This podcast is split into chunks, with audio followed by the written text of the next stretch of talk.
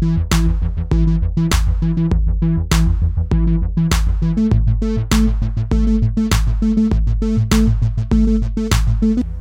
till Pappa Chef-podden, podden om föräldraskap och ledarskap. Jag heter som vanligt Johan Palmberg och det är jag som är pappachefen. Det innebär att jag är pappa till väldigt många barn. Jag har varit chef och ledare i olika roller i hela mitt yrkesliv och på fritiden så gillar jag att hålla på med musik, poddning och fotboll. Den här podden görs som vanligt i samarbete med Small Steps, din partner inom ledarutveckling, coachning inom CSR, lean och nätverkande. Pappa Chef-podden är podden som pratar om svårigheterna och möjligheterna med kombinationen förälder och chef. Vad kan man lära sig av ledarskapet på hemmaplan som är användbart till jobbet och tvärtom? Idag ska vi få lyssna till en intervju med Ville Hansén. Ägare och grundare av Gul PR och pappa till Gillis fyra år. Hoppas att du kommer få med dig någonting intressant för den här dagen också. Håll till godo. Då hälsar vi eh, Wilhelm, eller är det Ville Hansén? Vilket använder Vilket vi? Funkar det med Ville? Ja. Ja, men det var. Då hälsar vi dig välkommen till Pappa Chef-podden. Tack så mycket. Jag bad dig att eh, hitta på en, eh, någon form av presentation av dig själv, men jag har också gjort lite research, eller framförallt min fru har gjort det när hon har suttit jämte mig i bilen och jag har kört så hon berättat Okej. saker för mig som hon har läst på nätet och jag skjuter väl bara fram några grejer då. Jag tror det är riskfritt att kalla dig för entreprenör i alla fall. Ja, det skulle jag säga att jag är. Ja, den, den känns som att du checkar den boxen. Och vi kommer tillbaka lite till vad du gör för någonting och vad du har för, för företag under, under din eh, omsorg. Eh, men om man bara tittar lite det senaste året som kanske har varit ett ganska speciellt år så har du ändå lyckats eh, bli utnämnd till årets unga företagare i Örebro län. Yes. Eh, vad innebär det? Det innebär att företagarna är det organisationen som har, tror att de har det på kommunal nivå och sen så på eh, jag är inte medlem i Företagarna själv alltså, så jag har lite dålig koll. Men, men sen länsnivå och sen så de som vinner på länsnivå är en nationell final. Liksom. Eh, och då vann jag i Örebro Häftigt. och eh, tycker egentligen jag är för gammal för att ha unga företag. Jag har så här kompisar som är 21 och har 60 anställda så känner jag så Och, och då kan vi väl skjuta Men- in att du är, har du hunnit fylla 30 då? ja 31 till och med faktiskt. Till och med Ja. 31. Ja. Ja, Jo, men så där är det. Man kan vara talang länge nu för Ja. tiden. Det kan jag känna igen mig. Jag Jag, var, jag sa det till dem när de ringde, så då, då var responsen, "Ja, vet du vad snittåldern är för att starta företag i Sverige? Och helt plötsligt så var det okej på något sätt. Ja, du kändes så. det. Ja, men det är bra. Det kan man väl kallas för, för ung då. Och sen har du också lyckats göra årets bästa pitch i Creative Dragons. Ja, och jag har fått höra sen att det var årets bästa affärsidé. Det var jag som satte fel epitet på det tror jag. Jaha, årets bästa blev så glad. Ah. Så jag, jag korrigerar mig själv där. Det lät ju faktiskt bättre med årets bästa affärsidé. Ja, men den är bra. Det är ett Ja. annat företag. Så Ja. det är kul. Och det var för ett eh, företag i din där Du kanske ska få berätta lite mer sen vad det, vad det er title är för någonting. Ehm, får du komma tillbaka till. Men du är också jurymedlem i Stora Retorikpriset. Yes. Så där kan jag bli lite imponerad av. Jag vet Eh, inte varför. men, Ja, men är det inte så ibland att man, att man inte riktigt vet varför man hamnar i olika ja, uppdrag? jo, men det är nog sant. Och springer man fort så kommer det ju tusen bananskal i ens väg. Så är det. Ja, men det är häftigt. Och sen har du faktiskt, ja, det här tycker jag var lite kul, jag läste på din Instagram, där, äh, inte Instagram heter det inte, det heter LinkedIn, Mm. eh, att du hade blivit omnämnd av en av dina klienter som värsta softa agentkillen. det måste väl vara en, eh, en fin eh, benämning. Ja, men det var väldigt kul. Det, Ja. det, var, det gjorde min, eh, mer än min dag, min vecka den veckan när jag såg det. Och det, det roliga var att hon hade skrivit det på sin Insta några månader tidigare, men jag följde inte henne. Så började jag följa, så var det senaste bilden, jag har inte uppdaterat sedan dess. Och då så här, jag satt och log länge, för jag tyckte Ja, det var så himla fint på Det måste sätt. man väl liksom få glädjas lite roligt också, Ja. formulerat. Ja. Eh, värsta softa agentkillen som tackar nej eh, till möten åt mig. ja, så var det. Det är spännande, du ska få berätta lite vad ditt jobb går ut på. Mm. Men nu har jag ju dragit mina då. Mm. Eh, nu ska du få berätta själv. Vem är Ville Hansén? Ja, ehm, ja, men jag, jag är bokfantast till att börja med. Det är nog det som eh, sticker ut mest från i alla fall de flesta killar i min ålder. Tror jag. Mm. Eh, men jag läser inte så mycket som när man säger böcker så blir det väldigt eh, snabbt att alla tänker svår skönlitteratur. Det, det har jag väldigt svårt för. Ja, jag läser inte ens, knappt ens deckare. Liksom. Det tycker jag är slöseri med min tid. Okej, spännande. Jag har all respekt för att andra värderar an- annorlunda. Det är liksom bara min värdering så att säga. Vad är det för Ehm, något du läser? Det blir man jättenyfiken på. Väldigt mycket management, eh, väldigt mycket populärvetenskap av olika slag, eh, självbiografier. Mm. Ehm, Får man gissa att du gillar dokumentärer på tv också? ja men det kan hända. Mm. Jag sitter nästan varje kväll vid, eh, efter nattning. Jag brukar så här, natta vid halv åtta, åtta. Somnar nästan alltid vid nattningen. Många kan nog relatera till det. Det. Vaknar 30-40 minuter senare, Mm. går upp, sätter mig i soffan och jobbar några timmar till. Mm. Eh, i alla fall ett par timmar till. Eh, och då har jag näst, då, det blir lite så här långsamt jobb och det är typ en av de bästa stunderna jag vet på dagen. Mm. Om man inte har någon väldigt, väldigt tight deadline som man ligger efter med. Liksom. Kan man sitta med Aktuellt eller något i bakgrunden, det tycker jag är magiskt. Eh, Söndag agenda, liksom. det, är, Mm. det är lyx. Nej, men det är, sen, sen är jag ju HV71-fantast Mm. eh, och det sticker inte ut så mycket i Sävsjö kanske men i Örebro sticker det onekligen ut kan jag säga. Det gör det. Det finns ju ett Ja, annat ja. hockeylag där ja, som Ja. kanske är lite mer populärt just där. Nej men, men det, är en, det är faktiskt eh, böcker och det är nog mina största, avkoppl största avkopplingar i livet på något Mm. sätt. Och sen så är jag pappa till Illy som är fyra år. Mm. Ehm, ja. Eh, min mardröm är att bo i hus som är de flesta andras dröm. För Mhm. då skulle jag behöva lägga så mycket tid på det. Du, eh, jag vill bor, kunna lägga tid på annat så jag bor i lägenhet. Du bor i lägenhet då Eh, förstår jag. men jag bor väldigt bra tycker jag ändå. Så det Mm. är, eh, än en gång, det är liksom ingen värdering bättre eller sämre. Det är mer bara utifrån mitt perspektiv. Liksom, Mm. För vad som passar mig, mitt liv och mina drivkrafter. Så. Mm. Jag vet inte vad min bilmodell heter. Jag kan inget om bilar. Jag vet inte vad den jag beställde för en vecka sedan heter heller. Du gör inte det? Den är sam, jag vet vad märket heter, jag vet vad det är för färg, jag vet att den är lite större än denna. Så skulle jag se den skulle jag kunna säga det är en sån. Jag gillar det där på något sätt. Jag glömmer aldrig när en av mina eh, bästa tjejkompisar när vi var unga, hon hade väl haft körkort ett litet tag och så ringde Mm. hon och var jätteglad och sa jag har köpt en bil. Jaha, så jag, vad är det för märke? Ja det vet jag inte men den är blå. Det är min nivå nästan. Jag är nivå. lite över det, jag, jag, jag kan märken. Ja, ja Eh, och jag kunde igår, för jag kollade upp igår vad modellen hette, men så har jag glömt det. jag fattar. Ja. Så, så då har vi Så lite jag kan, vad- eh, så här, jag kan, jag, det jag bryr mig om, jag, jag kan lite om mycket tror jag i Ja, livet sådär, men eh, väldigt, väldigt lite om det jag bryr mig noll om istället. Det är lite selektivt sådär att det som inte, det som inte intresserar dig det ska heller inte egentligen uppta någon tid och energi i, i Ja, livet. men så lite som möjligt i alla fall. Det är ju onödigt och jag, jag tror att jättemånga säger bara, men varför gjorde jag så mycket av det och varför gjorde jag det där liksom. Mm. Och, och jag tror att jag hade trumfet i att jag, jag kraschade en bil ganska allvarligt när jag var eh, några dagar innan jag skulle fylla 19 år. Och eh, jag tror att det är en sån här sak som bara gör att jag värderar väldigt annorlunda liksom. Eh, sånt som många kanske får antingen via en, en, liksom en jobbig upplevelse eller kanske när man är ganska mycket äldre Mm. i livet. Eh, min bild i alla fall av liksom när man pratar med andra och lyssnar på andra mycket och läser andras, Mm. liksom, deras liv någonstans. När de gör, kanske inte gör bokslut liksom, som att de ska dö imorgon men ändå någon form av bokslut så långt i livet i alla fall Mm. om de är kanske mellan 50 och 80 någonstans. Mm. Liksom. Eh, jag tror att jag kanske inte, det är ju förmodligen olika för alla vad det innebär men det finns nog ändå en liksom, riktning på att man värderar, helt plötsligt kommer till en punkt där man börjar värdera annorlunda. Liksom. Jag tror att jag ändå haft turen att få den ganska tidigt. Om man kan se det så. Det, det låter som att det var en, en eh, rätt så allvarlig händelse i livet. Ja men det var en stor grej Mm. för stunden. Liksom. Mm. Och just när man, det var ett par månader innan studenten också och då Mm. är det ju någonstans när man ska vara som mest levande kanske. Liksom. Jag ska säga att man är väl helt odödlig vid den tiden av sitt liv. Det var jag. Tills dess. Ja. ja, men det är intressant och det kanske är som du säger att det finns en del i det som ligger, ligger till grund för hur man ändå ser på livet. Även om man kanske inte har det som en bakgrundstanke hela Nej, tiden, nej. Men, men att det finns någonstans i en.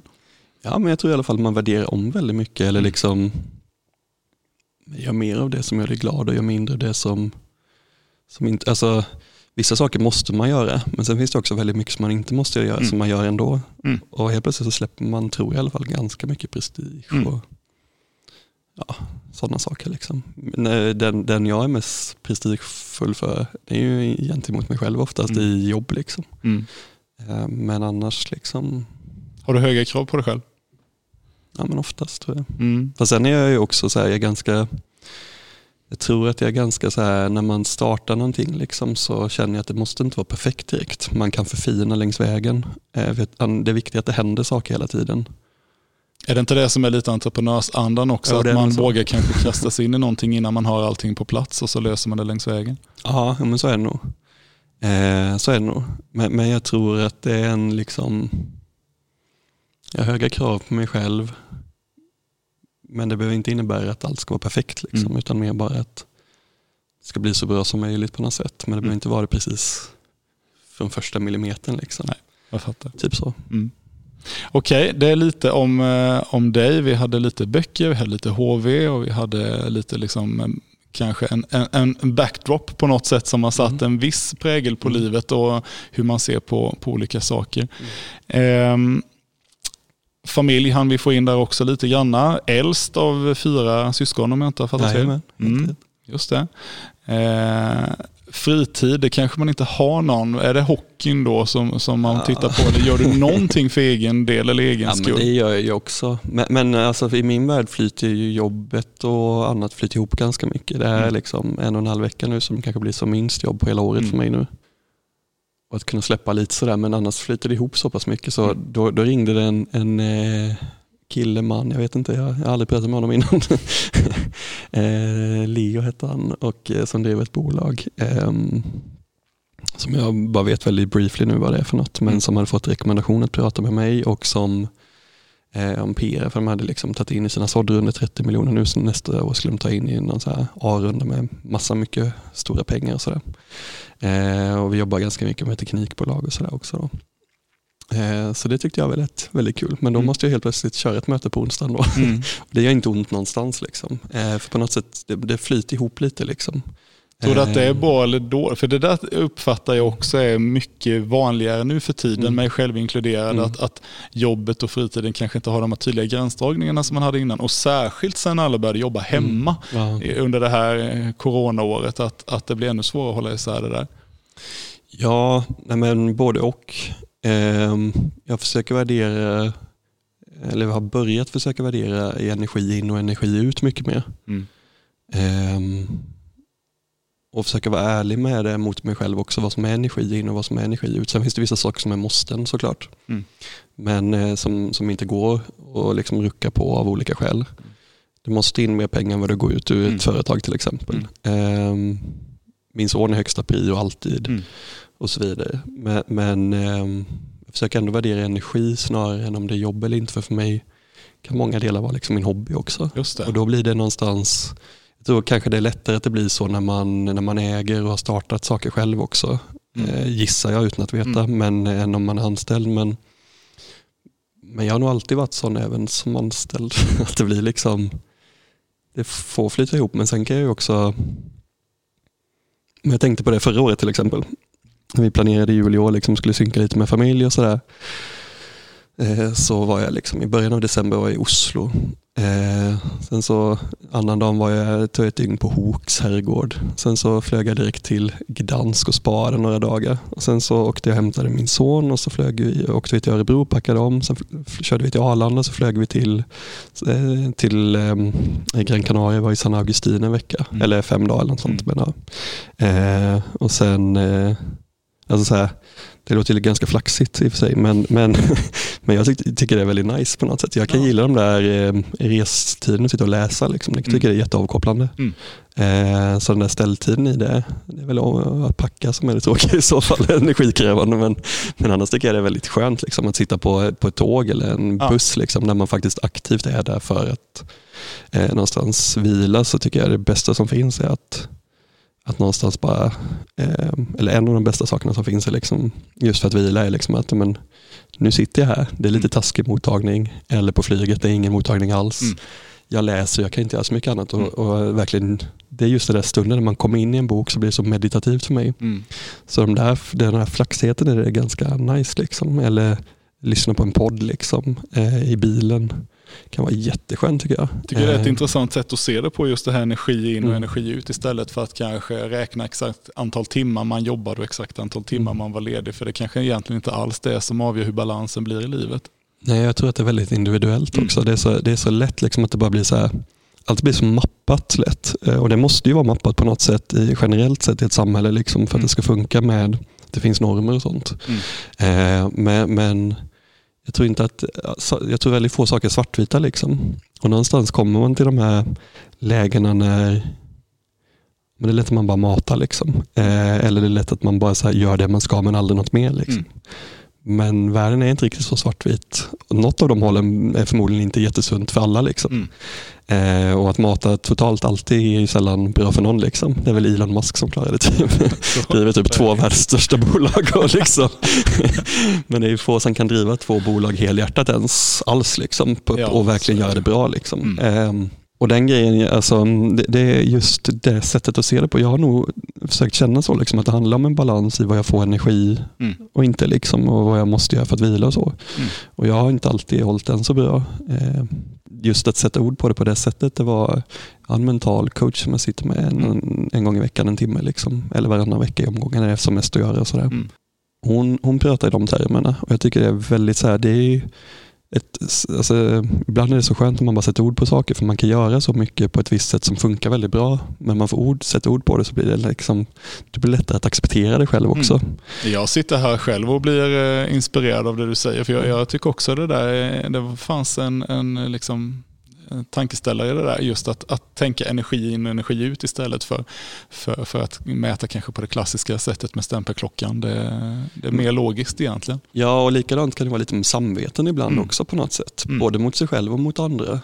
Um, för det är också en sån, det ena är normer och det andra är liksom vad normer gör hur man ser på sig själv och hur andra ser på en, eller hur man, hur man tror att andra ser på en kan mm. det också vara för all del. Mm. Um, att man liksom måste rättfärdiga saker och sådär. Men jag tycker att med en sån modell så blir det också någonstans, det är ju det jag mår bra av. Mm. Ingen annan mår dåligt av det. Och jag mår inte dåligt av det uppenbarligen.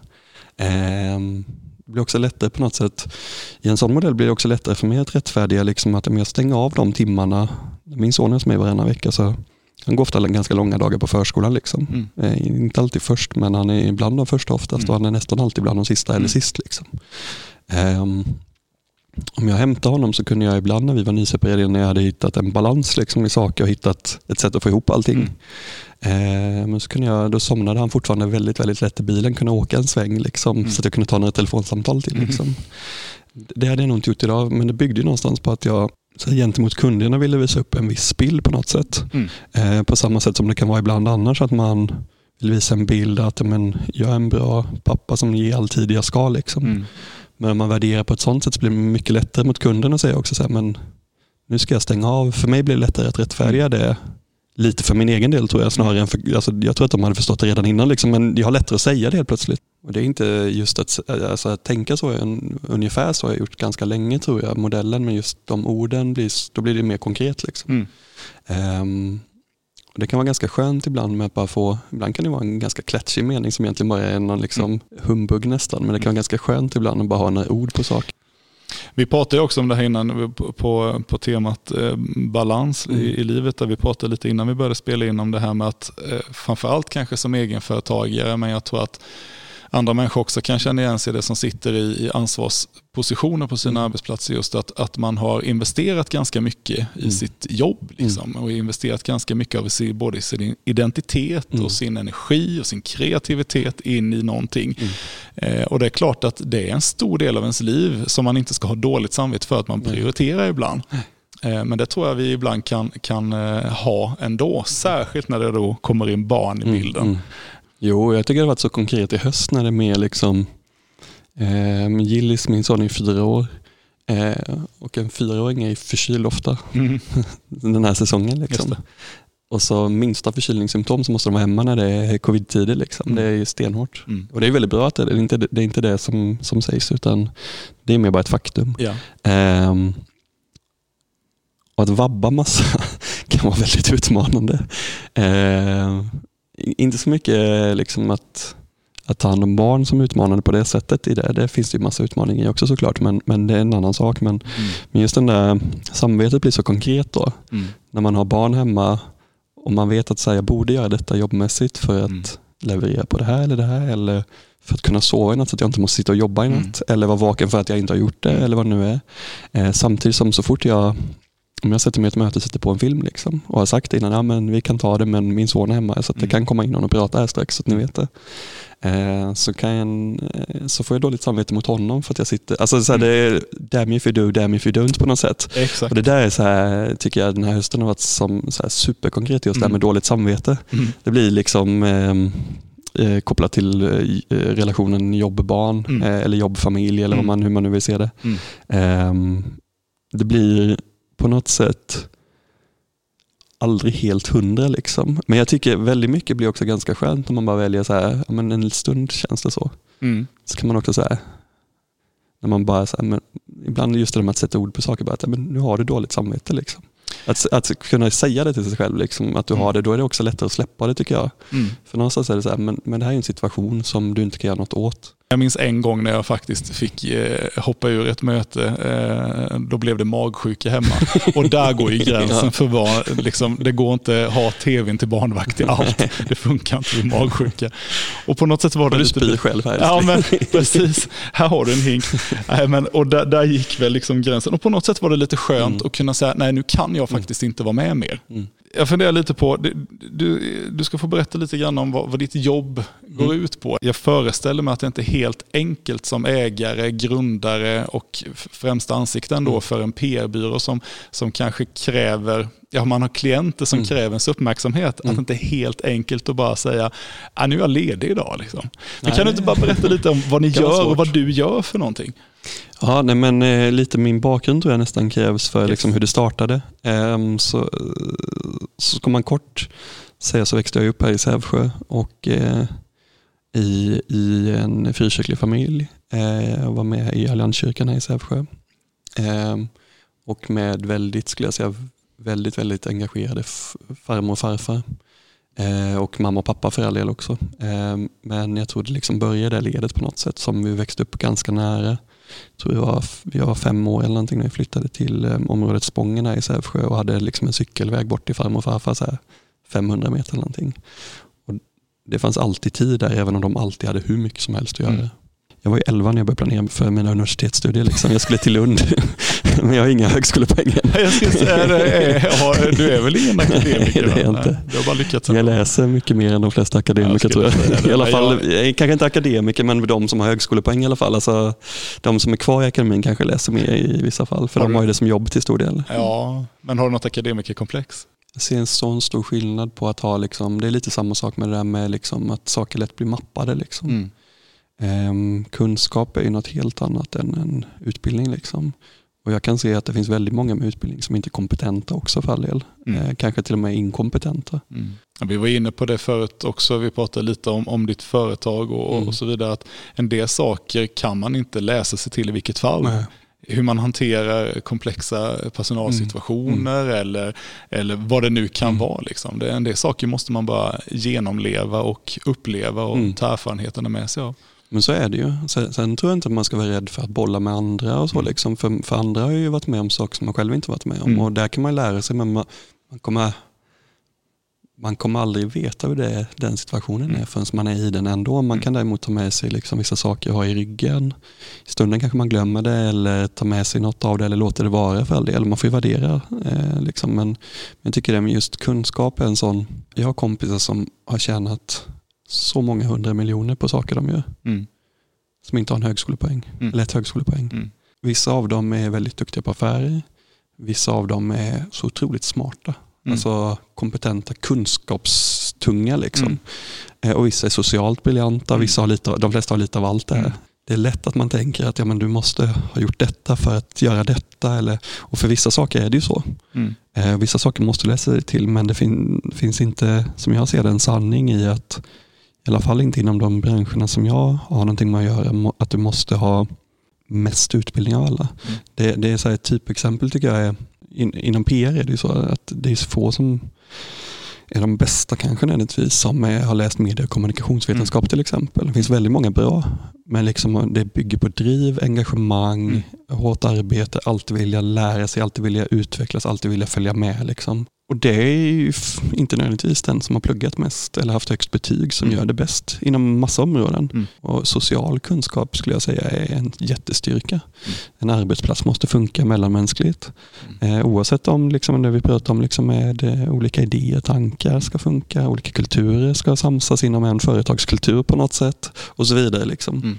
Eh, olika professioner kanske, eh, folk med olika utbildningar, olika bakgrunder, olika drömmar. Någonstans så, så blir det att, men vill du lära dig och försöka göra det, då kommer du göra det. Mm.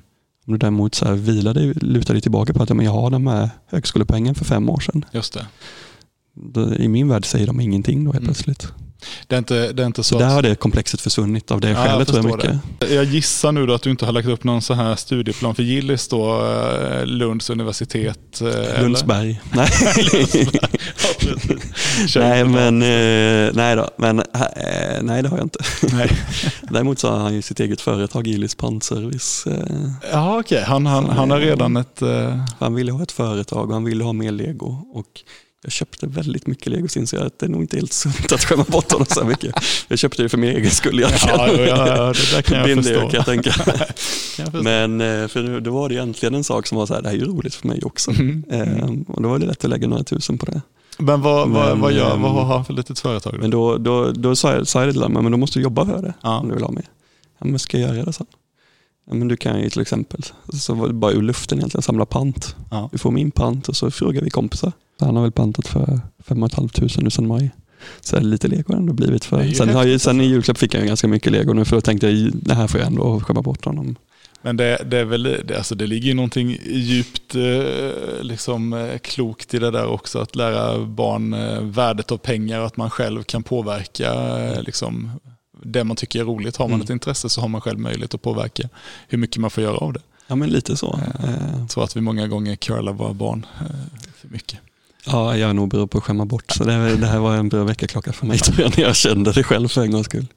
Men du, vi ja. måste spola fram ja. lite nu. Ehm, det blev inga studier. Nej. Istället så blev det någonting annat. Då, då fick jag ett jobb i Örebro som mm. PR-ansvarig på ett förlag som heter Libris. Eh, och så byggde jag upp den funktionen eh, och det gick, vågar jag säga, väldigt bra. Eh, och sen så kände jag nog att jag har nog gjort det här ganska mycket. Det blir liksom rutin till slut. Mm. Nej, men, men sen fick jag göra väldigt mycket kul där också. Mm. Eh, som jag också gjorde tror jag att jag vågade lite. Alltså jag har nog alltid vågat lite mer än en del andra kanske på ett sätt. Mm. Eh, och sen så efter tre och ett halvt år typ så sa jag upp mig eh, för att starta eget och två dagar senare fick vi veta att vi skulle få Gillis. Ah, så det var det också ganska speciellt. Liksom. Mm. För jag hade ju inga klara kunder eller något, men jag tänkte med, kan jag visa de här casen. Liksom. Mm. Tänkte det här kommer ju gå bra. Mm. Bara det att eh, eh, precis som alla andra människor är vana människor, man vill jobba med dem man känner eller har jobbat med innan. Och så, så det var en utmaning att komma in liksom från sidan och från ett förlag som eh, ägs av eh, kyrkliga sammanhang, frikyrkliga. Mm. Liksom. Och även om jag kanske kom in med en bred kontext på förlaget så var det ändå liksom det som var bakgrunden mm. på något sätt. Eh, så var liksom så här, att ens få visa det var ju svårt liksom för folk. Eh, så jag gjorde lite olika saker sådär men, men um, då började jag, startade jag gul så slutade jag ganska lång uppsägningstid så jag slutade i juni, juli tror jag den sommaren någonstans där. Och så började jag. Um, så hade jag ett par månader som jag kunde leva på semesterersättning som kom in och sådär och tänkte väl att jag skulle ha kontoret hemma men så fick jag ganska snabbt ett bokuppdrag från en författare som köpte själv och sa men det här gör jag ganska billigt så jag behöver referens som är från Gul. Liksom. Mm. Men det, det, som hände var att Adi som han heter som idag är en nära vän han har skrivit en bok som heter Flygrädsla för nybörjare och han fick, jag kommer inte ihåg exakt men jag tror, det var en, jag tror jag la fyra timmar på det jobbet eller någonting. Mm. Han fick ändå så här, Nyhetsmorgon, Aftonbladet Morgon som då gick linjärt på trean. Ett uppslag i DN, Scandinavian Traveller som är SAS tidning eh, ja, men ett gäng till. Liksom. Eh, dels för att jag hade bra, det bygger mycket på nätverk och kontakter. Mm. Dels måste du formulera det så att det blir intressant hela tiden. Mm. Dels var det ett väldigt bra case. För han skrev den, han själv är flygrädd, hans pappa hade varit vd för ett flygbolag. Mm. Eh, och eh, hans kusin är pilot. Så han höll på, han själv flög hem mycket till, kommer, blir osäker på var han kommer ifrån bara för det. Men pinsamt med sånt. Men han flög hem med jämna mellanrum i alla fall. Eh, och även flög en del annars. Sådär. Men han var ju flygrädd så hans kusin hjälpte honom att liksom bollar det, så det var ju ett väldigt bra case. Alltså, det blir ju bra- roligt liksom. story, Ja. liksom. Mm. Eh, Men den var en ganska tacksam grej och, och Adi var väldigt nöjd liksom, så han kopplade ihop mig med lite folk. Han hade drivit några bolag i ett antal år och var väldigt duktig. Så, så dels fick han in mig i ett nätverk som hette, eller heter Young Entrepreneurs of Sweden. Eller han fick nog inte in mig men han rekommenderade mig att Mm. söka. Liksom. Så jag sökte dem och sa du uppfyller inte alla krav, du har precis startat. Mm. Så, men jag kommer uppfylla alla krav, jag borde komma in redan nu. Till slut kom jag in eh, och det är jag väldigt tacksam för. Det, där har jag träffat så mycket folk jag kan identifiera med mig i drivkraft som jag inte Mm. har stött på, på på samma sätt på andra håll. Så för eh, fyra, fyra och ett halvt år sedan så startade det. Liksom. Och nu har du eh, anställda, några stycken. Ja, vi är sex pers. i sex pass nu. Mm.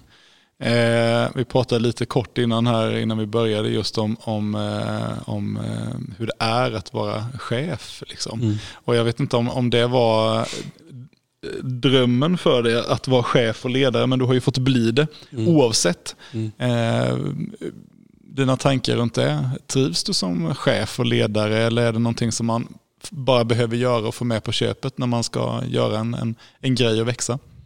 Jag tror både och. Ehm, Jag trivs med det och, och det är ju en del av att driva någonting framåt. Ehm, Så både och skulle jag säga. Ehm, Samtidigt är det en skillnad på att driva någonting och bara göra det själv. Mm. Då kan man plöja ner hur mycket timmar mm, man mm, känner för det själv. Men nu ska du helt plötsligt mm. leda andra och, och, och hjälpa dem med balansen Mm. i livet och ambitionsnivå, hög eller låg. Och det där är ju jätteutmanande, så är det ju. Eh, För jag vill ju att alla ska ha en så hög drivkraft som möjligt och energi. Eh, Samtidigt som jag tror ändå, om du, vem du än skulle fråga, så är de väldigt medvetna om att de börjar, de gör sina åtta timmar per dag. Liksom. Hur tror du du uppfattas som, som ledare och chef? Jag tror ju väldigt hårt på snällhet i grunden. Eh, Jag tror mycket mer på fria än fälla och så vidare. Alltså genuint. Ehm, Så jag tror jag är väldigt upplyftande. Och att jag lyfter styrkor väldigt mycket. Mm. Det där var väldigt bra, det där var väldigt bra. Ja men hur gör vi nästa gång? Är nog snarare än det här blir fel. Men jag har, har nog en historia av att vara lite konflikträdd som jag fått jobba mycket med. Mm. Eh, Och hur mycket det märks idag eller inte vet jag inte. Men, eh, men det finns ju där någonstans på någon nivå. De som är bäst chefer är de som kanske är, tycker det är lite jobbigt ibland också. Mm. Men ändå tycker det är så viktigt att man gör det. De som kan tycka att ja, men, det är inte värt att bråka för bråkandets skull. Mm. Men när det väl krävs så måste man steppa in. Liksom, eller vad det nu är. Men de är inte per definition hårda för det. Liksom. Det är ganska sällan bra chefer tror jag. Och, och vi pratade lite om det innan vi började också, just vikten av att, att ha människor i sin närhet att faktiskt prata om, eller att ha ett Mm. nät, äh, Mm. nätverk runt sig som man kan Mm. prata med Mm. eh, och dela med sig av olika saker. Och, och jag tänker på det du sa om ledarskap här också, att du, du har liksom snällhet som någon slags grundton i, i din Mm. framtoning. Och, och tittar vi på föräldrasidan då, Mm. så föreställer jag mig att snällhet som, som en grundton är ju liksom självklar, Mm, tänker vi mm. ofta, mot, mot våra barn. Mm. Men samtidigt så ger vi ju inte dem fria tyglar, utan vi har ju regler, vi, Mm. har, vi har ramar och vi har liksom en, ett, Mm. ett, ja, men ett, en stöttning runt dem för att de ska hitta rätt i livet. Men det är en jättebra bild tycker jag. Ja, och jag tycker det finns en väldigt bra koppling däremellan. Och likadant att, att ansvaret till slut landar ju hos föräldern. Mm. Det går inte att komma ifrån. Nej, så. Eh, Så där finns det en väldig koppling. Och jag tänker lite att du sa här innan att två, två dagar efter att du hade bestämt dig för att nu, Mm. nu startar jag bolag så, så fick du veta att du skulle bli pappa. Mm. Eh, och, och så har eh, Gillis är ungefär lika gammal som företaget då. Ja, det Eh. skiljer ett par månader bara. Ja, hur, hur, Det är eh, två bebisar som kom samtidigt. Ja, det, och det är ju jätteintressant och jag tänker lite hur, hur förändrades liksom eh, om, om, om det förändras, men hur förändras din syn på, på arbete när du blev förälder? Är, är det någonting som du ens kan reflektera över eller har det bara gått så hand i hand som man inte ens har hunnit tänka på det? En bra fråga faktiskt. Jättebra fråga. Jag jag är lite osäker men jag, jag tror att det var ganska mycket att jag hade ju också en känsla av ansvar liksom. För worst case då var ju att vi skulle dela på, på Gillis mammas lön som ett absolut, det var ju inte planen liksom men Mm. det var ju ändå worst Absolut case. Liksom. Mm. Ehm, jag hade aldrig behövt vara så liksom. Mm. Det har funkat bra ändå. Men eh, då fanns det väl också en ansvarsbit i det som var att ja, man vill vara hemma så mycket som möjligt på ett sätt. Samtidigt så är det också liksom, och den det gjorde nog ändå att det var inte så att jag helt plötsligt gick ner i arbetstid eller något. Liksom. Nu hade jag kanske inte kunnat det i det läget men alltså rent om jag hade kunnat så hade jag nog inte gjort det heller för att Mm. jag kände ett ansvar. Liksom. Ja, och man har väl rätt att ha två bebisar? Alltså Ja, man har väl jag. rätt att ha, att ha både ett jobb och ha en familj. Mm. Jag tänker det finns ju egentligen ingen motsättning i det. Eh, även om jag tror att många, många istället för att känna att glaset är halvfullt Mm. på båda sidor så känner man att glaset är halvtomt Mm, på båda mm. sidor. Och det är väl lite det vi måste på något sätt komma Mm. ifrån. Då har du två tomma glas istället i Ja känslan. men exakt, och det blir jättedåligt.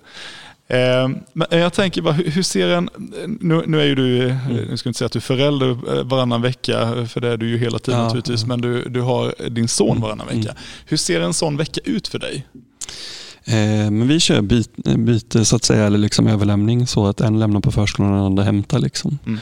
Ehm, och Det är ganska smidigt på ett sätt. För oss är det väldigt smidigt liksom rent logistiskt. Sådär, för att Mm. vi, vi har ju ändå in att man kör och hämtar och lämnar. Sådär.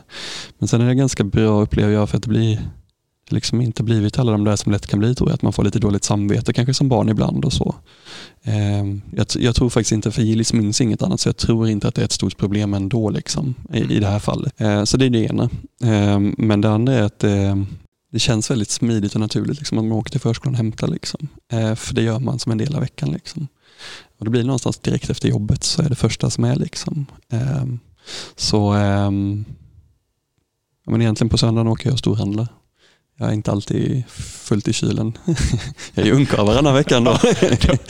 Du, du menar att du inte står och lagar köttfärssås och spaghetti varje dag då? Det gör jag inte. Men efter lite propåer från eh, hans kära mor efter eh, början efter så började jag laga mat de veckorna lite mer. Så jag köper väl mat en till två gånger i barnveckor och sju till 14 gånger inte barnveckor kanske. Men då är det väldigt mycket jobbmöten vanligtvis också. Mm. Lite mindre i år men annars liksom luncher och middagar försöker jag ju liksom, det är ett sätt att optimera tiden utan att Såklart. behöva spilla från annat. Absolut. Äta gör man oavsett. Liksom. Mm. Ehm, men då, liksom, så att det är fullt och sådär, så behöver man inte tänka på sånt det första man gör eller helst inte under veckan alls. Liksom, Mm. Utan då kan man ha den tiden med Ilis på olika sätt. Så hämtar på förskolan och sen så första kvällen är ofta liksom, myskväll med. Liksom. Mm. Eh, sen sover han oftast in hos mig fortfarande Mm. eh, och han vill göra det och jag har inga, inga problem med det. Mm. Ingen annan sover där, jag har en stor dubbelsäng. Mm. Dessutom större än de flesta för jag är ju lång så jag har beställt en specialbeställd extra lång säng. Jag har en 210 Ja. gånger 210 hemma. Samma. Ja. det är väldigt skönt.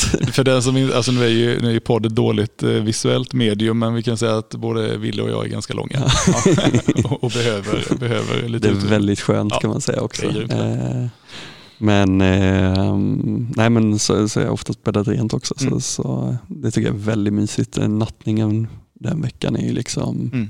mysig som finns. eh, Läsa ihop liksom. Mm. Eh, och ligga och berätta. Han vill gärna att jag berättar om Nisse, Kurt och Bengt, vilket egentligen är bara en historia som hittas på i stunden. Som eh, min pappa berättade om Nisse, Kurt och Bengt och någon gång när jag inte orkade gå och hämta bok, en bok till, han ville läsa, vill gärna liksom, ja, en bok till pappa, en bok till. Ja.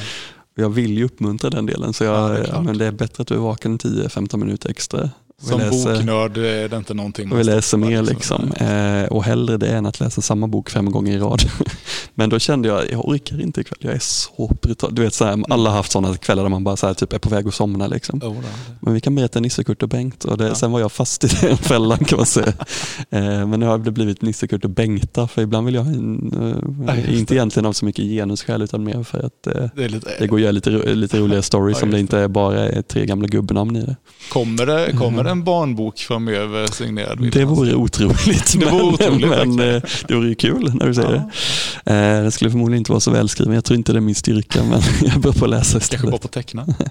Nej tyvärr inte Nej, heller. Nej, Jag känner andra som är. Lämna det till någon annan. Eh, Jag och en kompis håller på med en pekboksprojekt Ja, som är där jag har tagit fram härlig text, vilket egentligen bara är tio ord, Mm.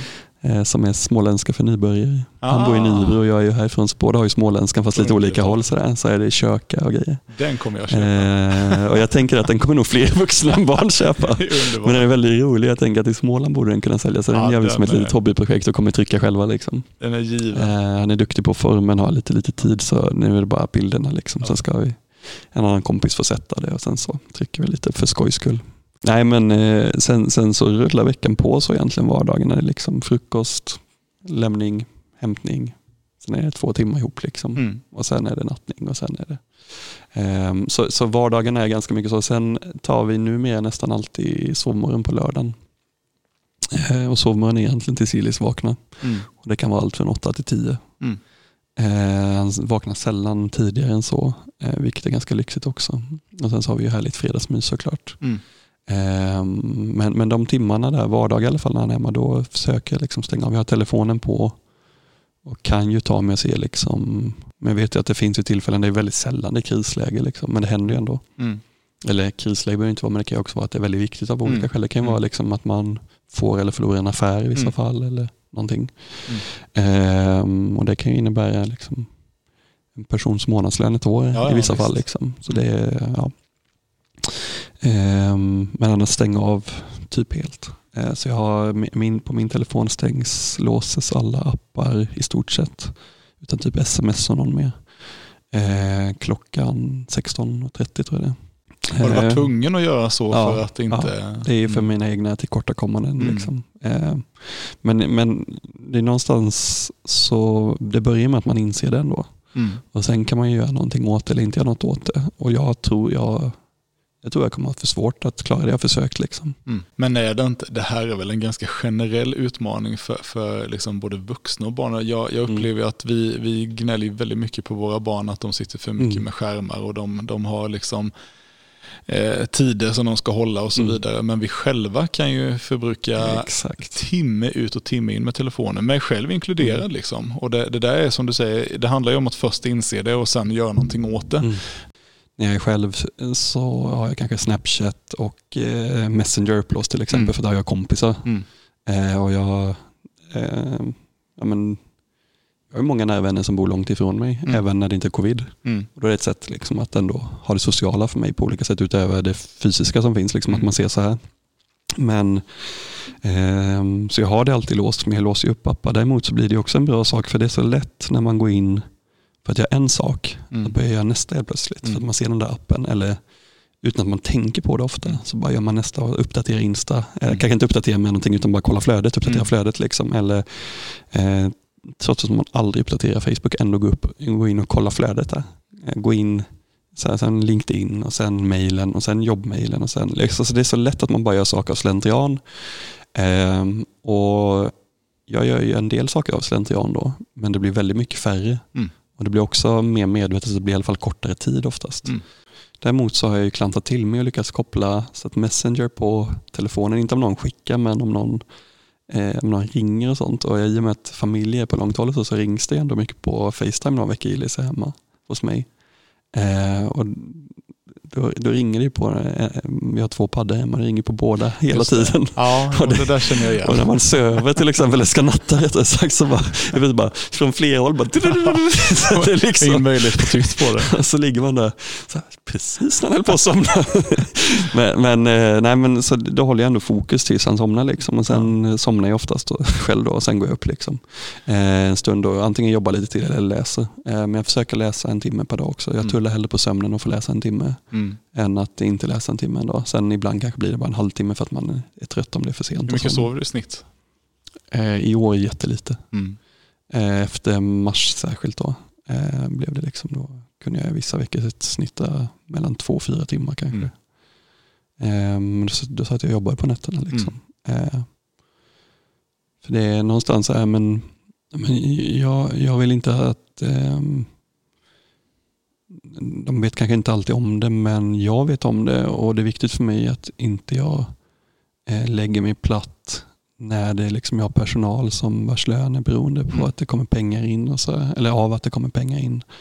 Ehm, och när det tappas affärer. Och, och vi tappade inte så pass mycket första veckan vi tappade det. Men känslan var att nu kan det eskalera, för man visste ju inte. Liksom. Och just för att alla andra panikade, jag kände inte så mycket panik själv.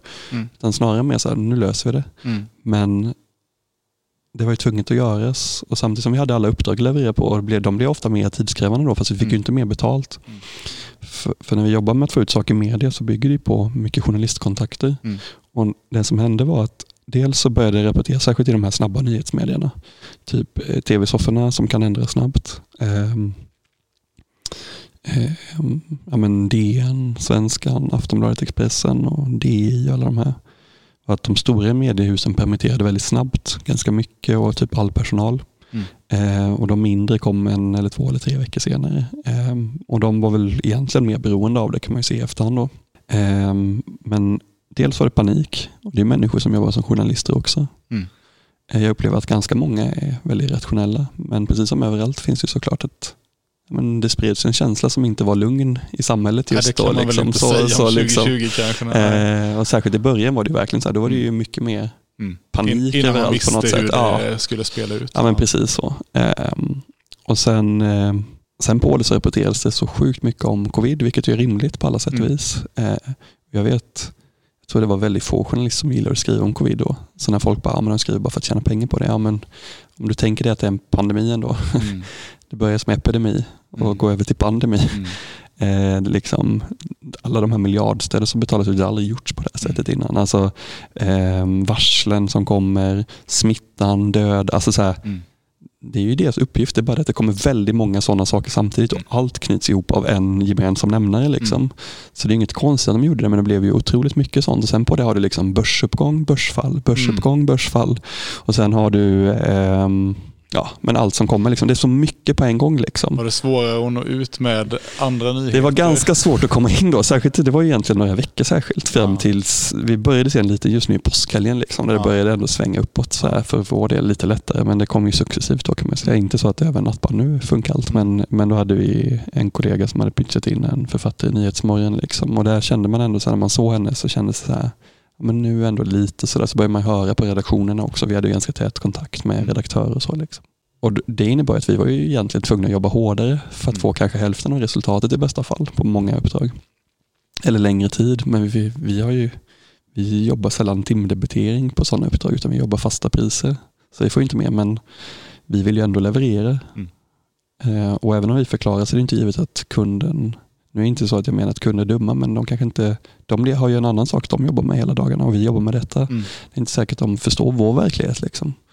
Eh, var min känsla och då var det så här, nu kör vi in i kaklet med de här Mm. sakerna så gott vi kan. Mm. Eh, så vi behövde jobba mer samtidigt som det liksom kom mindre pengar och då, men då behövde jag ha nya intäktsströmmar så jag pratade med massa kompisar folk och jag gjorde till van, tog för vana att eh, ta en promenad per dag. Liksom. Mm. Eh, då bor vi, vi bor i, i eh, ganska nybyggt område i utkanten av Örebro där det liksom ligger precis vid ett eh, naturskyddsområde.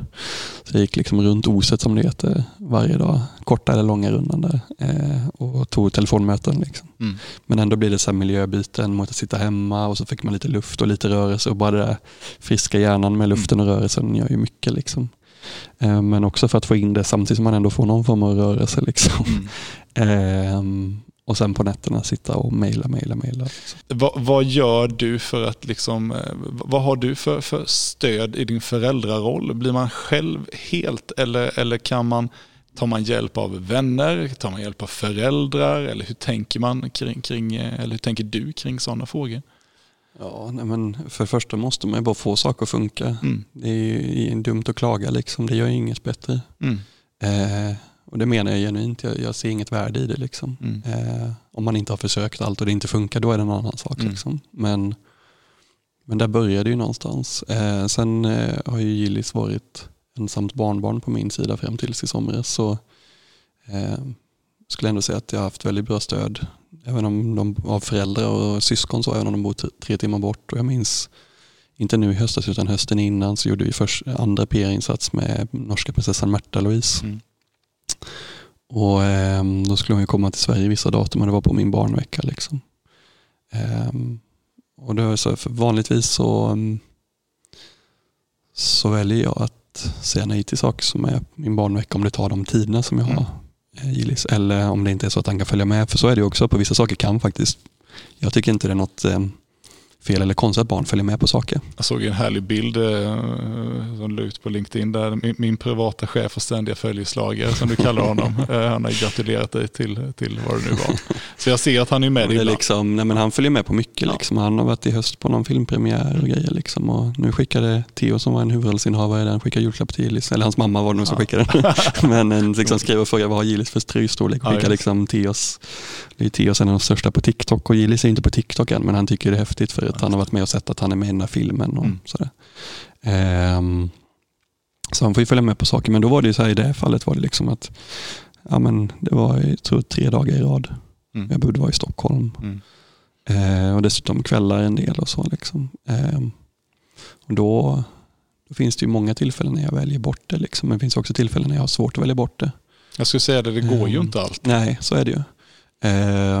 Men för det första så har ju de flesta väldigt stor förståelse för mycket mer vad man tror liksom, av saker som är rimliga. Sen finns det ju saker som är helt orimliga med urs- undanflykter och ursäkter. Liksom. Mm. Det är en annan sak. Mm. Men liksom sanna, rimliga saker. Men jag är, jag är ensam med ett barn. Liksom. Mm. Och du vet att jag alltid gör allt jag kan och lite mer för att överleverera. Mm. Då är det få som inte väljer att förstå liksom, till att börja med. Men sen i det fallet var det ju, som ändå blev ett bra exempel. Jag vet också någon, eh, så här, som min, han var hos min bror i Jönköping då.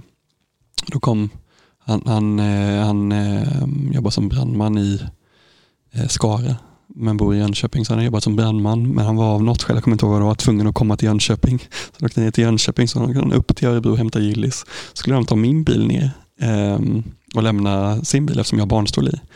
Då var det att Ludvig som min bror heter ringer mig fem minuter innan jag ska gå in, eller tio eller någonting innan jag ska gå in och träffa ehm, Karina och Märta-Louise. Eh, säger du vill jag hittar inte bilnyckeln. Jag har letat överallt i din lägenhet. Jag hittar den inte. Så känner jag så här. Jag är en här i jackfickan och en i, i, i väskan.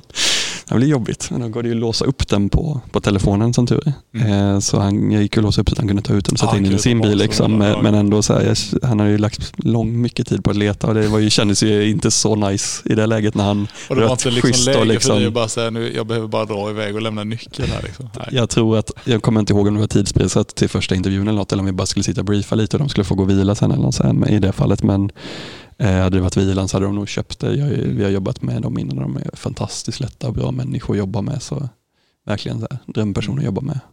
Ehm, och det, det är inte alla som väljer att förstå allt det heller. Liksom. Men, Såklart. men så, så jag kommer inte ihåg, men man vill ju ändå inte börja så på något sätt. Nej. Liksom. Eh, och så i alla fall eh, så åkte han ner till Jönköping och sen så skulle han, eh, tror jag, jobba natt i Skara, så han åkte upp till Skara igen. Jobba natten, så åkte han hem, så jobbade hans fru Lovisa på dagen och Gillis var med Ludvig. Och sen så åkte han och jobbade natt. Det var liksom så fram och tillbaka. Sen så åkte eh, Lovisa och Gillis upp till eh, Skara, eh, till brandstationen. Och Gillis Elsa är ju blåljuspersonal liksom, och superhjältar numera också, men då var det bara blåljuspersonal. Mm. Ehm, så han, han tycker det är jättekul, han har varit där ett par gånger innan och så här, får sitta i brand, brandbilen, sitta i Ludvigs knä när de kör, så han håller liksom och säger han, släpp, släpp, jag kan köra själv. Nu vet jag inte vad han säger, men han sa det när han var för ett par somrar sedan. Liksom så här, han kunde inte ens säga det helt rent, utan det var så här, kör själv, släpp. Det var liksom, men... Han, han eh, leder inte av det kan man säga. Nej, Nej. Eh, sådär. Men, och så kom jag dit då. Eh, då åkte jag ju tåg till Örebro och sen så tog jag ju deras bil därifrån eftersom, nej, min bil var det till slut. Eh, så var det. Och sen så hämtade jag Gillis. Liksom. Eh, det är ju en del logistik liksom, men, men de flesta människor är ju väldigt schyssta. Liksom. Mm. Och det, Eh.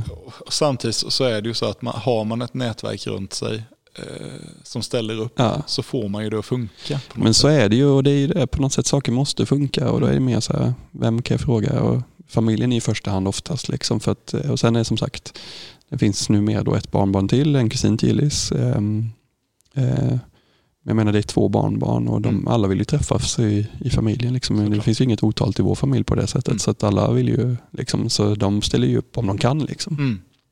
Sen har det varit liksom pappa i riskgrupp med covid så han har ju inte kunnat komma på året. Mamma har ju inte varit uppe så mycket av samma skäl egentligen. Fast några gånger ändå. Ehm, sen skulle hon kommit upp för ett par veckor sedan när jag skulle in på en mindre operation. Men sen blev jag förkyld så den blev inställd och då blev inte det. Ja, du vet så. Mm. Ehm, men sen har det varit någon gång sådär när jag varit i Stockholm för det har ändå eh, fram till mars eh, har jag varit i Stockholm väldigt Mm. mycket. Liksom. Mm. Väldigt mycket av våra kunder är ju där. Så. Eh, och när man bor i Örebro så inser man ju, alltså jag gillar ju att träffa människor live liksom, men man inser också hur smidigt det är med möten. Mm. Vanligtvis har jag tyckt det. Så här, jag förstår inte att alla inte ser det på det sättet med att vissa saker är bara, här, det är en så liten sak, vi kan ta det via video istället. Mm. Men så är det ändå två timmar per håll för mig. Eh, fast det är ju effektivt, jag kan ju jobba på tåget men likväl. Liksom. Mm. Eh, men jag är van vid att flaxa mycket till Stockholm. Liksom. Mm. Eh, och då lämnar jag, de månader jag lämnar Gillis, eller när jag ska till Stockholm så lämnar jag honom kanske vid sju eller något på förskolan, halv sju, sju. Eh, sen så kommer jag hämta honom och stänger vi halv sex på kvällen. Eh, och då har jag typ tio minuter från centralen tills, liksom så, här, och så var det någon gång då när jag skulle komma så här, med det sista och Gilis var på förskolan. Eh, och det har liksom aldrig hänt att det har varit försenat. Jag kan till och med vara inne fem minuter tidigare istället. Mm. Eller så har jag bara inbillat mig det och fått för mig det. Det kan ju också hända, men jag, jag, jag, är ganska säker på det. Så i alla fall, eh, tåget är en kvart, 20 minuter försenade och de stänger ändå en viss tid. Sen har jag tio minuter att köra mm. och är det mycket rödljus och mycket trafik kanske det tar en kvart. Mm. Eh, I sämsta fall mer än så. Så jag var så här, det här går ju inte bra. Mm. Jag, jag, är absolut den som kan vara fem minuter efter stämning, har hänt ett antal gånger. Liksom. Mm. Det ska inte säga något annat. Men det är ju när du har kört ihop sig totalt. Liksom. Eh, och här, det är ju inte fine att så, så länge liksom. det funkar inte. Om jag kommer vid kvart över sex och den stänger halv sex, det är liksom, där har vi korsat alla ja, gränser liksom, en bit. Ja. Eh, en det, är inte, det är inte någon klang och jubelfest man väl kommer fram. Eh, och jag tycker det är ganska så här, nu måste jag ju lösa detta liksom. Mm. Eh, och då har det varit så här, ett par gånger som på kompisar i Örebro. De har tre barn själva, men de är lite äldre. Som har mm. Daniel eller Sofia som de heter då. Som jag är jättetacksam att ha i Örebro. Mm. Det var liksom när Gillis kom så sa de, men nu är det som att barnen får ett kusin, en, mm. en kusin. Liksom. Och mm. Det är lyx att ha sådana i Örebro. Och likadant nu när min familj hamnade i karantän vid jul, liksom, så mm. var det så här, men kom hit och fira. Mm. Men då med Gillis liksom har det varit ändå eh, ett par gånger de har ryckt in sådär. Men, men jag försöker så långt det går, liksom, som jag sa, det, att planera så långt det går för att inte tappa tid med honom den tiden jag har eftersom jag bara har varannan vecka. Mm. Och ibland innebär det att han får följa med mig på saker. Men är, han, han får ju liksom inte följa med mig på eh, några konstiga saker eller något liksom så här, utan det är liksom, men han, han får följa med på någon lunch någon gång kanske. Kan han, så här, dels får han väldigt god mat. Det var två första gången han var på en Guide Michelin-restaurang. Det, är liksom, det är inte alla som har kunnat vara, eller det är nog enda gången han har varit det också, men det är ändå liksom. Ja men så är det ju. Det är klart och, att det finns fördelar som följer med. Det, det, jag menar, och han, han blir ju socialt, får ju mm. sociala fördelar som inte alla får kanske. Och sådär. Och du, min, min känsla när jag sitter och lyssnar på det, det är att, att jag tror inte att, att, äh, att man, eller jag, jag ska säga så här, jag tror att man, när man, när man bara har en mer begränsad mm. tid tillsammans med sitt barn så kanske mm. man faktiskt ser till om man är intresserad mm. av det, mm. om man har ja, det, det intresset och engagemanget för det, så kanske man ser till att det blir eh, mer värdefull tid mm. tillsammans än, än eh, om man har som i mitt fall då, mm. barnen varje vecka hela tiden. Mm. Men jag väljer att göra någonting annat med mm. den tiden. Jag skulle kunna sitta och, och jobba jättesent på kvällarna men jag skulle inte ha det dåliga samvetet för det för jag har dem alltid. Liksom. Ja, men precis. Så, så kanske blir man lite mer medveten om sina val och sin tid, hur man faktiskt planerar det på något sätt. Men jag tror ändå det kan vara så. Eh, och det behöver inte vara bättre eller sämre. Liksom. Nej, det är ju men, bara en konsekvens av ja, ens precis, verklighet. Precis. Liksom. Eh, men, men det kan nog stämma faktiskt, det är nog sant. Eh, och sen som sagt, som jag sa, jag vet inte om det var innan vi, när vi pratade innan vi började spela in eller, eller efter vi började spela in. Men, men eh, jag menar, jag har ju också, i början var det ju svårt liksom. Mm. Det är ju som alltid en, en väldigt stor förändring. Mm. Eh, det är inte så att det över en natt bara rullar allt smidigt. Mm. Eh, och man kan ju må dåligt av saker också, liksom, som jag mådde dåligt av det. Separationen liksom. Det är klart det påverkar. Liksom. Mm. Men eh, vill man hitta vägar så tror jag att det för det mesta går. Men som jag, jag har aldrig jobbat så mycket som i år. Mm. Men jag har ändå haft kvalitetstid med Gillis varje vecka. Mm. Eller ja, varje vecka har varit hos mig då. Mm. Eh, så jag tror att det är val man gör. Ibland tror jag också det är så här, man vill så gärna att livet bara ska vara helt friktionsfritt. Mm. Men det är det ju inte ändå. Och inte beredd att göra några, nej precis, man är inte beredd att göra några uppoffringar. Liksom. Man, man ska bara vara nöjd och le. Liksom. Eh, men dels är min största rädsla livet att bara vara nöjd. Liksom. Mm. Finns det liksom inga insatser någonstans mm. och utan insatser så finns det inget värde. Liksom. Mm. Känslor, liksom. utan några motgångar kommer det ingen glädje i toppa heller. Liksom. Mm. Det, det, är liksom inga, inte den djup, liksom djupaste glädjen i alla fall tror jag inte. Och samma sak liksom med annat. Och, och så blir det någonstans så här att ja, men för, i mitt fall är, men då tullar jag lite mer på sömnen än vanligt. Mm. Jag ligger nog vanligtvis som du där 5-6 timmar, mm. men om jag tar bort en eller två av dem så är det väldigt lite sömn plötsligt i min mm. värld. Om man gör det under två månader så är det väldigt, det känns ju liksom. Mm. När sommaren kommer jag vara väldigt efterlängtad liksom, för det, det går ändå in i lågsäsong och då blir det liksom det, det är ingen stort värde att jobba 180 eh, hela sommaren. Liksom. Mm. Men att kunna ta ordentliga nätter och liksom, vi ut den värsta stormen. Och du vet, så här. Men det är ju ett val att göra det. Mm. Ja, men, jag kan faktiskt under en viss tid göra det. Jag kan inte göra det alltid. Mm. Tror jag inte. Det hade inte jag hållit för i alla fall. Eh, men då får jag göra det valet och det blir lite obekvämt. Mm. Men livet är inte alltid bekvämt liksom, och jag vill ha kvalitetstiden och jag vill rädda det här. Mm. Jag kan göra både och. Mm. Ja precis, vi brukar avsluta på det med att säga att det är viktigt att hålla både som förälder och ledare och det är möjligt. Mm. Det är verkligen det. Det- Det, ska gå att göra både karriär och vara Mm. en, en närvarande förälder. Jag tror verkligen det och många gånger så handlar det nog om jag, jag brukar ju, eller brukar, men jag, jag har en, en stark invändning mot det individualistiska samhället som kanske framförallt Sverige har blivit. Mm. Där, där, man, där man i första hand ska förverkliga sina egna drömmar och man i första hand ska se till att man själv har uppnått det man ska göra. Medan jag tror att en väldigt stor glädje och tillfredsställelse och grundlycka på något sätt kommer ifrån att, att man gör saker tillsammans. Mm. Och det, det tycker jag man hör när du pratar också om att du, du, du jobbar med att hitta den här balansen men, du- men du har heller inte, du kanske har till, ja vad ska man säga, du har tillåtit dig själv att inte ha dåligt samvete. Och jag, jag tycker det, det, låter, det låter väldigt inspirerande och eh, liksom sunt. Jag hoppas att du kan fortsätta eh, på den.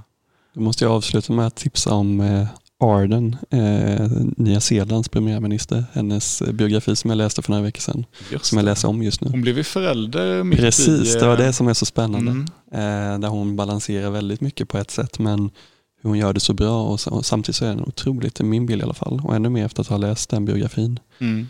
Det är en människa som jag eh, respekterar efter Mm. att ha läst mycket mer om nu än innan. Och jag, ja, bra tips. Den, ska, den har jag fick faktiskt inte hört talas om. Får det vara, får det vara tipset kanske då? Det är tipset tycker jag. Ja. Du, ville vi eh, rundar av tror jag. Stort tack för att eh, du tog dig tid. Tack för att jag du fick vara med. hoppa i bilen och rulla hemåt med sonen en liten stund. Eh, och eh, önskar dig stort lycka till med både företaget, inte minst föräldraskapet. Eh, och att eh, du får en fortsatt bra sista slut på året här nu och ett bättre 2021 än 2020. Det kan vi vara överens om. Tack så mycket. Ha det gott. Detsamma. Stort tack för att du har lyssnat på det här avsnittet av Pappa Chef-podden. Och kom ihåg till nästa gång, det är viktigt att hålla både som förälder och ledare och det är möjligt. Ha det gott!